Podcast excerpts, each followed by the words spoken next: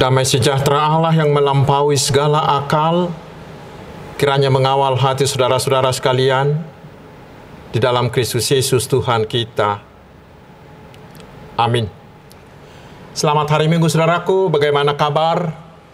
Kita berharap semuanya dalam keadaan sehat, dalam penuh sukacita. Dan hari ini di Minggu Jubilate ini, Tuhan akan memberikan firman-Nya untuk kita yang tertulis di kitab Kisah Para Rasul pasal yang ke-9 ayat 36 hingga ayat 43 saya bacakan untuk kita. Di Yope ada seorang murid perempuan bernama Tabita dalam bahasa Yunani Dorcas. Perempuan itu banyak sekali berbuat baik dan memberi sedekah. Tetapi pada waktu itu ia sakit lalu meninggal. Dan setelah dimandikan, mayatnya dibaringkan di ruang atas. Lida dekat dengan Yope. Ketika murid-murid mendengar bahwa Petrus ada di Lida, mereka menyuruh dua orang kepadanya dengan permintaan, "Segeralah datang ke tempat kami." Maka berkemaslah Petrus dan berangkat bersama-sama dengan mereka. Setelah sampai di sana, ia dibawa ke ruang atas dan semua janda datang berdiri dekatnya dan sambil menangis mereka menunjukkan kepadanya semua baju dan pakaian yang dibuat Dorcas waktu ia masih hidup. Tetapi Petrus menyuruh mereka semua keluar Lalu ia berlutut dan berdoa. Kemudian ia berpaling ke mayat itu dan berkata, Tabita, bangkitlah. Lalu Tabita membuka matanya dan ketika melihat Petrus, ia bangun lalu duduk. Petrus memegang tangannya dan membantu dia berdiri. Kemudian ia memanggil orang-orang kudus beserta janda-janda, lalu menunjukkan kepada mereka bahwa perempuan itu hidup. Peristiwa itu tersiar di seluruh Yope dan banyak orang menjadi percaya kepada Tuhan. Kemudian daripada itu, Petrus tinggal beberapa hari di Yope di rumah seorang yang bernama Simon, seorang penyamak kulit. Demikian firman Tuhan. Saudara-saudaraku yang dikasihi Tuhan Yesus Kristus. Sesudah Stefanus dibunuh, para rasul berserak ke banyak penjuru. Tetapi dengan demikianlah Injil itu semakin tersiar luas. Dan di satu waktu Petrus datang mengunjungi jemaat di kota Lida. Dan di sana Petrus menyembuhkan Eneas yang delapan tahun lumpuh. Dia, dia disembuhkan oleh Petrus dengan hanya mengatakan, Eneas, Yesus Kristus menyembuhkan engkau, bangunlah dan bereskanlah tempat tidurmu. Kita baca di ayat 34. Dengan kalimat ini saudaraku Petrus menyatakan bahwa sumber kesembuhan itu bukanlah dirinya, melainkan dari kuasa Tuhan Yesus. Dan itulah jubilate sukacita kita hari ini.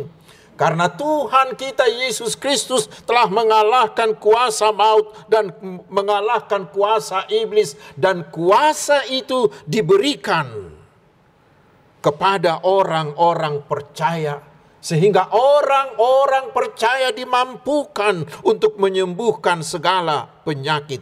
Kita baca di Markus 16 ayat 17 hingga 18. Dan Tuhan melakukan itu bukan hanya untuk Eneas saja. Dan bukan untuk meninggalkan popularitas Petrus. Sama sekali bukan. Tetapi hanya untuk menumbuhkan iman percaya orang banyak kepada Tuhan Yesus. Dan benar setelah peristiwa itu, penduduk Lida dan Saron pun berbalik kepada Tuhan seperti dikatakan di ayat 35. Lalu saudaraku kisah berlanjut tentang seorang perempuan bernama Tabita itu dalam bahasa Aram tetapi dalam bahasa Yunani disebut Dorcas artinya rusa betina. Di dunia timur rusa betina itu menyimbolkan kecantikan dan kesempurnaan. Apakah itu berarti bahwa si Dorcas ini seorang perempuan cantik? Tidak ada pemberitahuan tentang itu. Tetapi yang pasti perbuatannya, pelayanannya menunjukkan bahwa dia adalah seorang perempuan yang berhati mulia. Ada penafsir menyebut dia adalah seorang janda muda dari orang Yahudi yang tinggal di Yope. Dorcas, Dorcas bekerja sebagai tukang jahit. Walaupun pekerjaan tukang jahit itu sebenarnya tidak begitu memberi dia banyak uang, tetapi dikatakan Dorcas ini memiliki sifat yang luar biasa. Dia banyak sekali berbuat baik, dia banyak memberi sedekah, khususnya bagi sesamanya janda. Kiranya apa yang dilakukan oleh Dorcas ini bisa menginspirasi dan membangun tekad kita terutama ibu-ibu para perempuan untuk melayani Tuhan dengan melayani sesama kita. Saudaraku, kecantikan Dorcas adalah perbuatannya sendiri. Dorcas adalah perempuan cantik dan sempurna Bukan karena wajahnya, tetapi karena dia mudah memberi dan dia mau melakukan banyak perbuatan baik. Sama seperti yang dikatakan oleh Paulus di 1 Timotius pasal 2 ayat 9 hingga ayat 11 dan 1 Petrus 3 ayat 3 hingga ayat 5 yang mengatakan bahwa perempuan itu disebut cantik bukanlah oleh perhiasan-perhiasan jasmaniahnya atau duniawinya, tetapi oleh perhiasan batiniahnya, perhiasan rohaninya, yaitu segala perbuatan-perbuatan baiknya dan kelemah lembutannya. Walau dia tidak memiliki talenta yang hebat, tidak memiliki harta yang banyak, atau uang yang cukup banyak karena dia hanya seorang janda tetapi dia memberi dirinya untuk melayani dan dia melayani bukan untuk popularitas, untuk pujian atau untuk keuntungan pribadi. Karena yang dia layani adalah para janda yang pada waktu itu tidak mendapat perhatian yang cukup, yang tidak memiliki posisi yang menjanjikan. Dorcas mau melakukan semuanya itu tanpa mengharap apa-apa imbalan dari para janda. Karena itulah ada seorang penafsir menyebut Dorcas ini adalah Bunda Teresa di zamannya. Sekali lagi, Kiranya apa yang dilakukan Dorcas ini dapat diteladani oleh semua perempuan-perempuan Kristen. Saudaraku, ini yang dibutuhkan dan perlu bagi setiap orang. Bagi siapa pun yang ingin melayani Tuhan, terutama di jemaat Tuhan. Alkitab selalu menggunakan kata melayani kata pelayan, kata hamba, kata budak, kata dulos, bukan menggunakan kata pimpinan atau pejabat atau komandan. Pertanyaannya, mengapa harus menggunakan kata pelayanan? Ini sangat mendasar, saudaraku, karena seseorang yang mau memberikan dirinya untuk pelayanan harus memahami bahwa kita melayani bukan karena kita mau tetapi karena memang kita harus melayani. Mengapa? Karena oleh dosa kita adalah budak dosa. Tetapi Tuhan Yesus mau mati. Dia memberikan nyawanya untuk menebus kita. darahnya dicurahkan untuk membayar lunas hutang dosa-dosa kita. Karena itu saudaraku setelah kita diselamatkan, maka yang memiliki kita bukan lagi dosa, bukan lagi si iblis, tetapi yang memiliki kita adalah Tuhan Yesus. Kita miliknya. Karena itu apa pun yang kita miliki itu adalah milik Tuhan Yesus. Karena itulah kita harus mau melayani Yesus. Kita harus memberikan diri kita menjadi pelayan Yesus karena Tuhan Yesus telah terlebih dahulu melayani kita dengan mengorbankan nyawanya sendiri. Dan karena Tuhan Yesus telah melayani kita, maka kita wajib melayani Dia. Karena itulah saudaraku, kita melayani bukan untuk kita. Kita melayani bukan karena kita, tetapi kita melayani semata-mata hanya karena Yesus telah berkorban untuk kita. Kita melayani hanya untuk ke hanya untuk Yesus dan kemuliaan yang ada akibat dari pelayanan kita itu, biarlah semuanya itu hanya untuk Yesus. Seperti ada yang mengatakan, jangan sekali-kali mengambil sedikit pun, jangan sekali-kali sedikit pun mencuri, mengambil kemuliaan itu untuk dirimu. 100% biarlah itu milik Tuhan kita Yesus Kristus. Saudaraku yang dikasihi Tuhan Yesus Kristus, Dorcas ini memberi kita sebuah inspirasi bahwa melayani bukan harus memiliki banyak kemampuan atau kehebatan. Melayani bukan harus dengan banyak harta atau kelebihan. Karena Dorcas ini hanyalah seorang penjahit yang tidak banyak mendatangkan uang tetapi dengan kesederhanaan dan keterbatasannya itu dia mau melakukan pekerjaan baik, dia mau melayani orang lain. Malah ada seorang penafsir tentang ayat ini mengatakan, Dorcas ini hanya melayani dengan jarum dan dengan benang. Sangat-sangat simpel, sangat-sangat sederhana sekali. Tetapi yang sedikit dan yang sederhana itu dia serahkan ke tangan Tuhan. Lalu apa hasilnya saudaraku? Para janda di Yope itu menjadi terberkati. Kita pasti masih ingat tentang kisah si anak kecil di Yohanes 6 dia hanya memiliki lima roti dan dua ikan, tetapi bisa memberi lima ribu orang makan dengan puas. Bagaimana itu bisa? Yaitu ketika anak itu mau menyerahkan punyanya yang sedikit itu ke tangan Tuhan Yesus.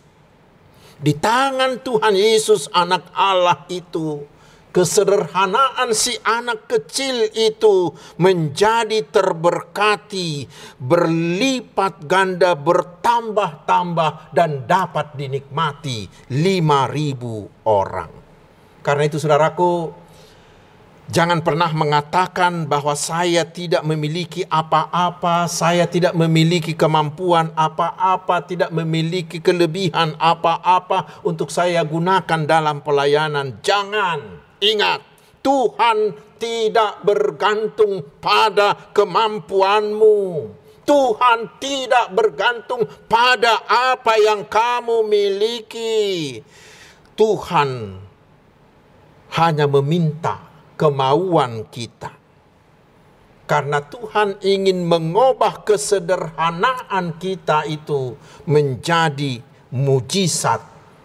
Asalkan kita mau menyerahkan yang sederhana yang kita miliki itu ke tangan Tuhan. Karena dia adalah Tuhan yang mampu.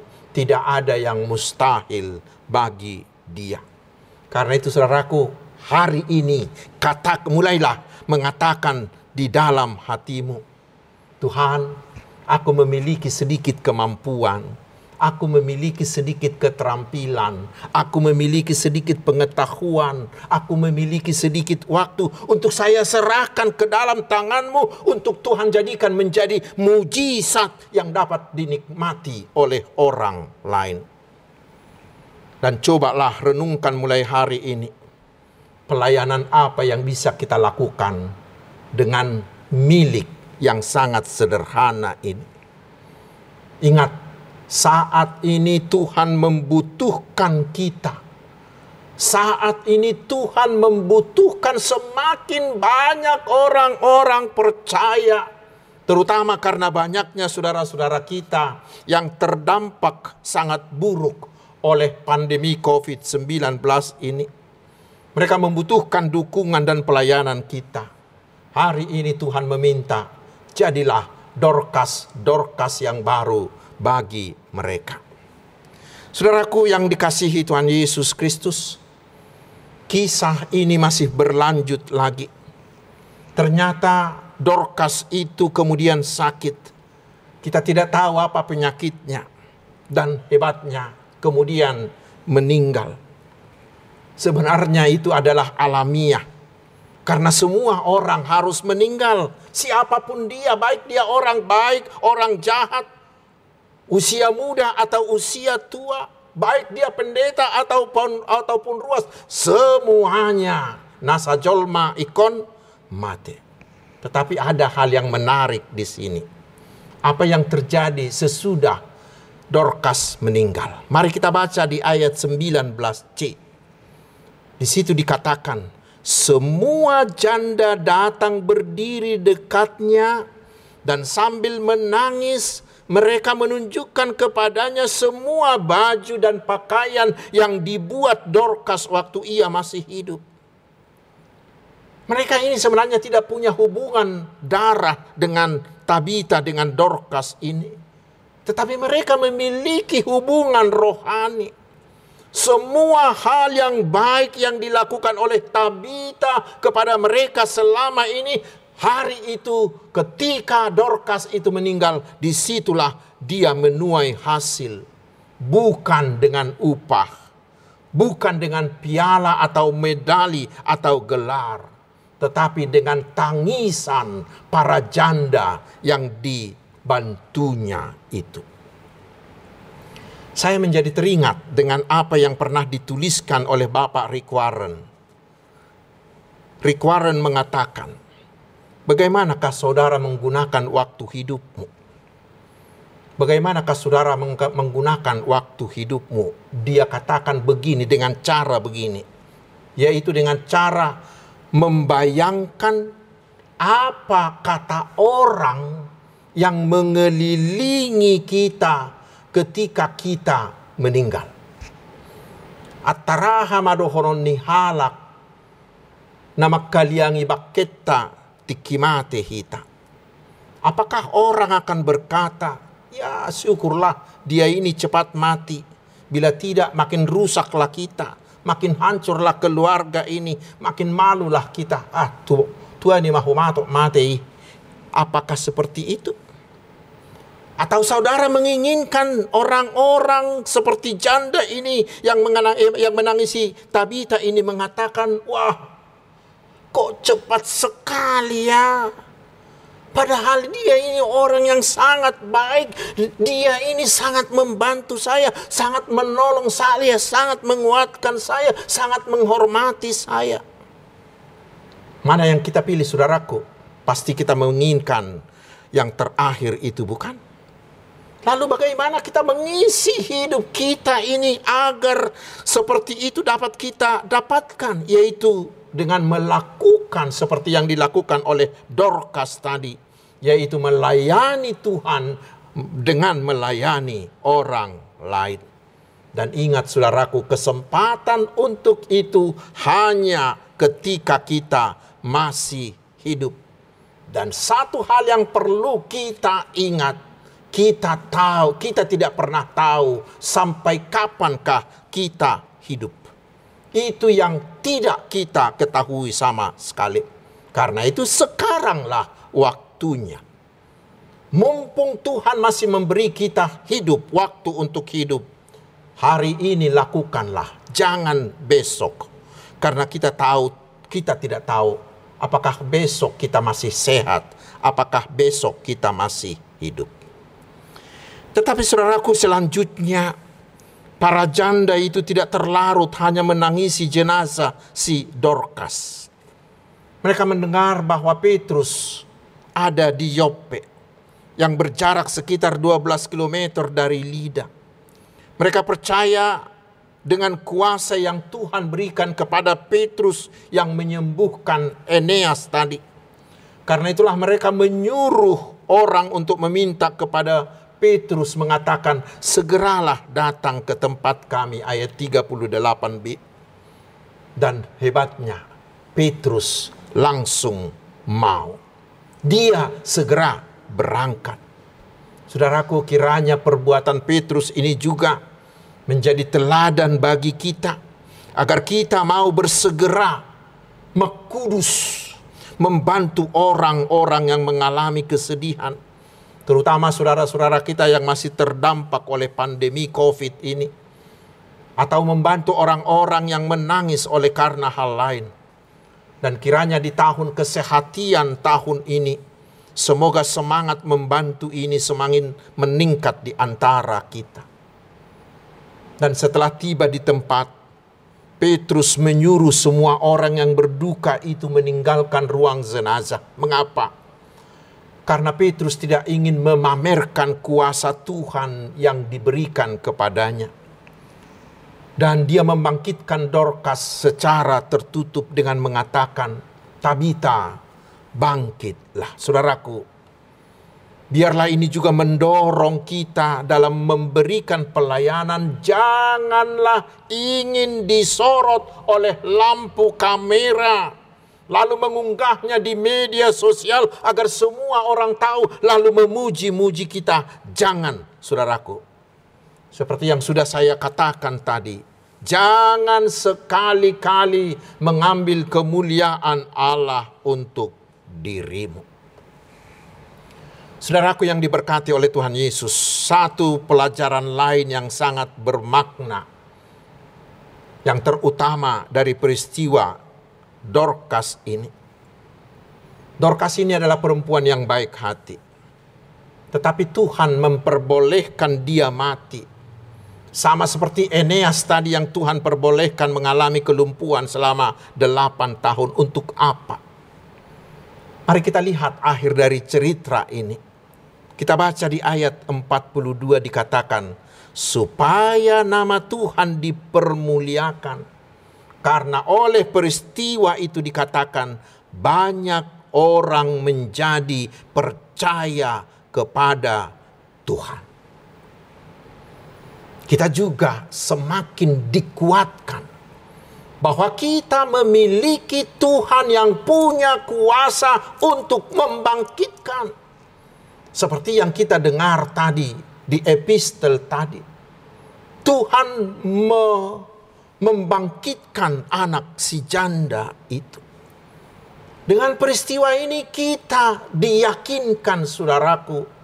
Bila kita percaya kepada Tuhan Yesus yang telah bangkit mengalahkan kematian itu maka dialah juga yang berkuasa membangkitkan kita di hari kedatangannya kedua kali kelak dan dengan kebangkitan itu dia akan membawa kita ke dalam kehidupan yang kekal.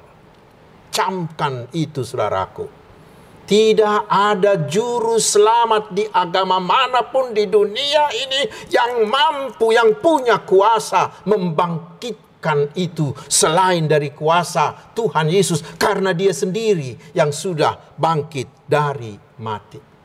Dan yang luar biasanya, kuasa kebangkitan itu diberikan kepada orang-orang yang bisa, orang-orang yang benar-benar percaya kepada Tuhan Yesus. Tuhan Yesus memberikan kuasa itu kepada para hamba-hambanya, kepada Elisa, kepada Petrus, dan kepada kita juga hari ini. Asalkan kita benar-benar percaya kepada Tuhan Yesus yang bangkit itu. Amin. Mari kita berdoa. Terima kasih Bapak di sorga hari ini Tuhan meyakinkan kami lebih dalam lagi bahwa kami punya Tuhan yang memiliki kuasa membangkitkan yaitu Tuhan kami Yesus Kristus yang telah bangkit dari kematian. Biarlah dengan firman-Mu hari ini Tuhan, kami semakin yakin untuk mengikut Tuhan Yesus karena kami percaya bila kami beriman kepada Tuhan Yesus, maka kuasa kebangkitannya akan membangkitkan kami kelak di hari kedatangannya yang kedua kali dan kami akan menerima hidup kekal dari Tuhan Yesus. Terima kasih Tuhan, biarlah kami juga dengan firman-Mu hari ini terdorong menjadi dorkas-dorkas yang baru yang menggunakan masa hidup kami yang singkat, walau kami tidak memiliki apa-apa yang dapat diandalkan, tetapi bila kami mau menyerahkan itu kepada Tuhan, Tuhan akan menggunakan kami menjadi alat di tanganmu untuk melayani orang lain. Biarlah melalui hidup kami selama di dunia ini, kami dapat menjadi berkat bagi orang lain. Terima kasih Tuhan berkatilah kami satu persatu. Berkati umatmu di setiap aktivitas mereka. Di dalam pekerjaannya, di dalam studinya, di dalam keluarganya berkati kami. Ya Tuhan, berkati yang berulang tahun kelahiran, juga yang berulang tahun pernikahan biarlah juga tanganmu yang maha kuasa menyembuhkan mereka yang sakit. Biarlah kuasamu juga menaungi mereka yang mengalami pergumulan. Biarlah mereka tetap kuat di dalam engkau. Hiburkanlah mereka yang bersedih. Ya Tuhan Bapa di sorga, berkatilah pemerintah kami. Berkatilah mereka dalam memulihkan ekonomi bangsa ini. Jagailah bangsa ini agar tetap jauh dari orang-orang intoleran, dari orang dari para provokator yang mencoba memecah, memecah belah bangsa ini. Biarlah kuasa rohmu tetap menaungi bangsa ini, sehingga kami tetap dalam kesatuan dan kesejahteraan. Berkati gerejamu, Berkati para hambamu. Berkati usaha para pekabar Injil. Sehingga semakin hari kerajaanmu semakin meluas. Terpuji namamu Tuhan. Hanya di dalam nama Tuhan Yesus Kristus kami berdoa dan bersyukur. Amin.